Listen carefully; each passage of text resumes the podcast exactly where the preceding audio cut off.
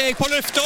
Mikrofon og alt har gått til balalaika. Da er det Balalaika med Alf Henden i studio igjen, og vi ser på historiske hendelser i uke tolv. Ja, uke tolv, vet du. Der har det skjedd mye. Okay. Blant annet fødsler. Jeg begynner med en i 1935. Eh, Brian Clough. Engelsk fotballspiller, eh, angriper sådan, og senere legendariske trener. Det er jo der vi har han mest ifra. Men han spilte altså for Middlesbrough Sunderland, der han til sammen skåra 250 mål. Eh, og så ble han jo eh, trener, og det var for to outsiderlag, Derby County og Nottingham Forest, og begge førte han til ligagull. Faktisk er det bare to andre som har ført to forskjellige klubber til ligagull i England, og det er Herbert Chapman på 1930-tallet, og så er det jo da Kenny Daglish. Når det gjelder Brian Clough, så vant han også to ganger den gjeveste europacupen med Nottingham Forest. Han var kontroversiell og var nærmest en replikkreverandør overfor journalister. Han var gjerne et mareritt for noen. Ok.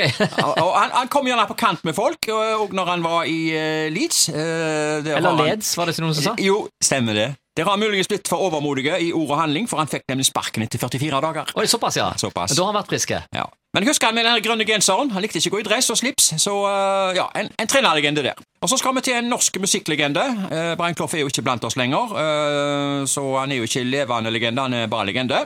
Men vi skal nå til en norsk levende legende i musikk, Åge Aleksandersen, født 1949. Musiker fra Namsos, først med bandet Prudence og senere med Sambandet. Og han har jo hatt kjempesuksess som soloartist òg. Høydepunktet må vel være albumet Leve livet, tenker jeg, i 1984, med megasuksessen Lys og varme. For eksempel. Ja, jeg var oppe på eh, Det var oppe i Harasvang-området, og eh, han var på turné på 80-tallet, og da hadde han denne her, og ja, fikk publikum med seg, selvfølgelig. Og litt fakta her. eh, Han har jo blitt tildelt hedersprisen under Spellemannsprisen, faktisk to ganger. Han har fått plass i Rockheim Hall of Fame, og i 2012 så kom han til og med på frimerket. Oh, ja. Og et stort øyeblikk for Åge var det selvsagt at han i 2016 fikk opptre på Royal Albert Hall med 4000 trøndere i salen, Flyborne. Men vi kan ikke bare snakke positivt, vi må ta to ting her, eh, negativt. Ok. ja, Nei, altså. Eh, han er jo, eh, Åge Aleksandersen har jo en gang vært med i den norske Melodi Grand Prix-finalen, bare én gang. Oh, ja. Her ble han nummer to i 1980 med låten Bjørnen sover. Han ble marginalt slått av Sami Nederland. Å nei. Jo, Ja, Ok. en liten nedtur kanskje der. Ja, Kanskje det derfor han aldri ble mer med i Melodi Grand Prix. Ja, for det gikk ikke bra. Nei.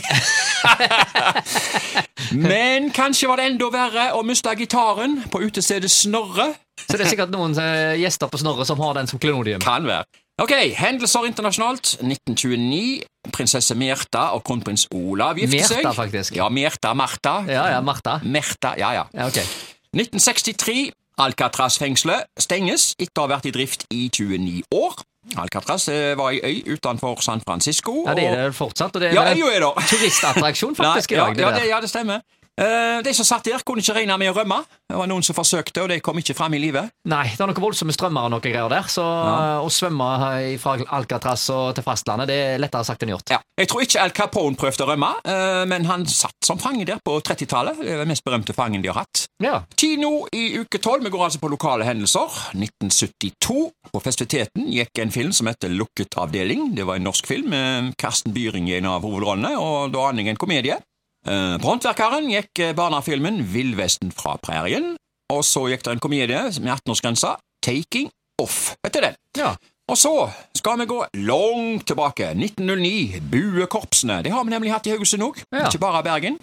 Avisa Haugesunderen skrev Buekorpsene søkes nu samlet til ett eneste stort korps. Som det nu er med korpsene med mange små, er det verken fugl eller fisk. Derfor må en hel sammenslutning til, skrev altså avisa Haugesunderen. Ja, det var jo ei tid eh, da hvor de mange buekorpsene dominerte òg i bybildet i Haugesund, altså. Buekorpsene det var en organisasjon der barna marsjerte, drev idrett og dro på utflukter. Og buekorpsene brukte uniform etter gradering av stillingene de hadde i korpset, og guttene gikk òg med tregevær, og de brukte trommer. Ja da.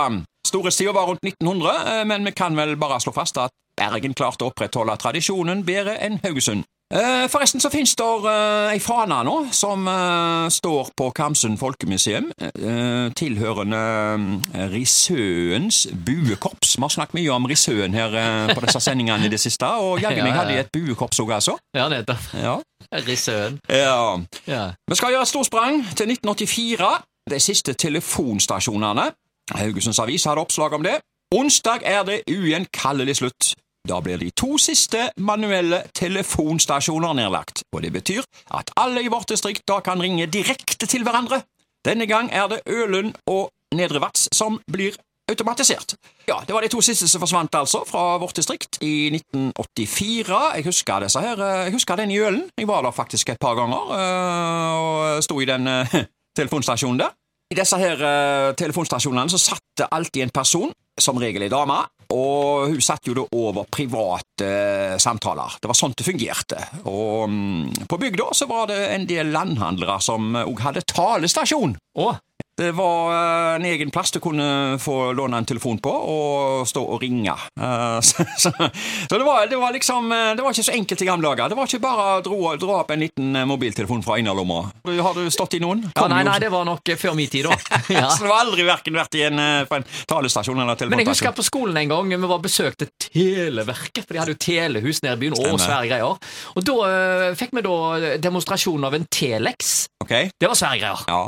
Det gikk an å sende eh, sånne eh, symboler, da, tegn, ja. eh, vi- vi- sånn elektronisk. da. Du Det snakker ikke tilfeldigvis om telefax? Nei, det var før Telefax. Ja. Telex. Akkurat, ja. Ja, ja, ja.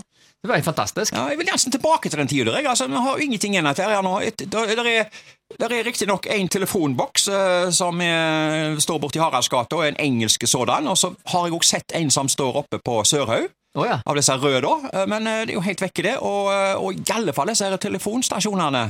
Husker de der damene som satt der, som sagt, de må jo ha, de må jo ha lytta mye, og Ja, det eh, de kjente mye til private ting, altså. Telefonstasjonene. Ja, ja. Ja, ja, ja. Da er det egentlig bare én ting å spørre om. ja. Snakka med sentralborddama!